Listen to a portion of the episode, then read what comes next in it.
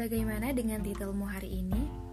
Founder sebuah gerakan atau komunitas, penulis buku, mahasiswa terbaik, ketua, sekretaris jenderal sebuah organisasi, speakers, motivator, haji, atau sebuah tambahan nama baru di belakangmu, SPD, SH, LC, profesor, doktor, dan serentetan titel-titel lainnya.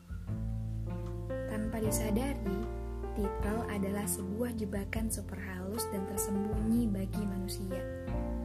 Mari kita lihat makna filosofis dari sebuah titel atau gelar. Pertama, gelar seakan mampu mengangkat derajat sosial seseorang.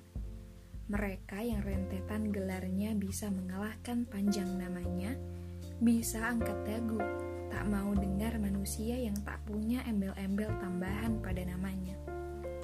Jika namanya disebut tanpa gelar kebanggaannya itu, ia akan murka merasa tak dihargai.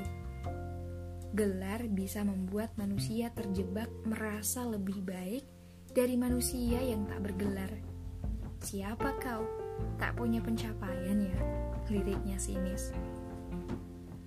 Gelar bisa membuat kita lupa bahwa sebaik-baik manusia adalah yang paling bertakwa.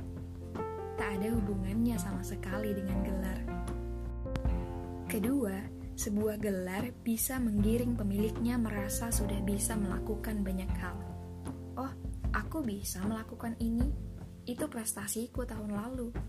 Ya, aku lulusan terbaik dari universitas itu. Ini gelarku, aku ahli di bidang itu aku, aku, dan aku. Semua jadi tentang aku. Gelar bisa membuat kita lupa bahwa tak ada kebaikan yang bisa kita lakukan kecuali atas izinnya. Setiap prestasi atau pencapaian yang kita peroleh tak lain dan tak bukan hanya karena Allah yang memudahkan langkah-langkah kita.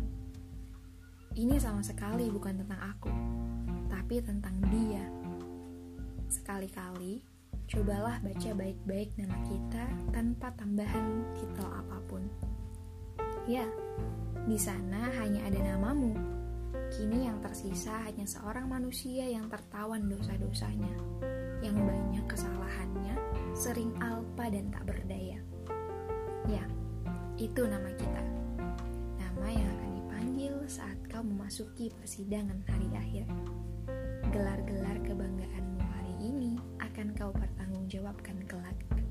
Begitulah, karena gelar sejati hanya disematkan olehnya, bukan manusia.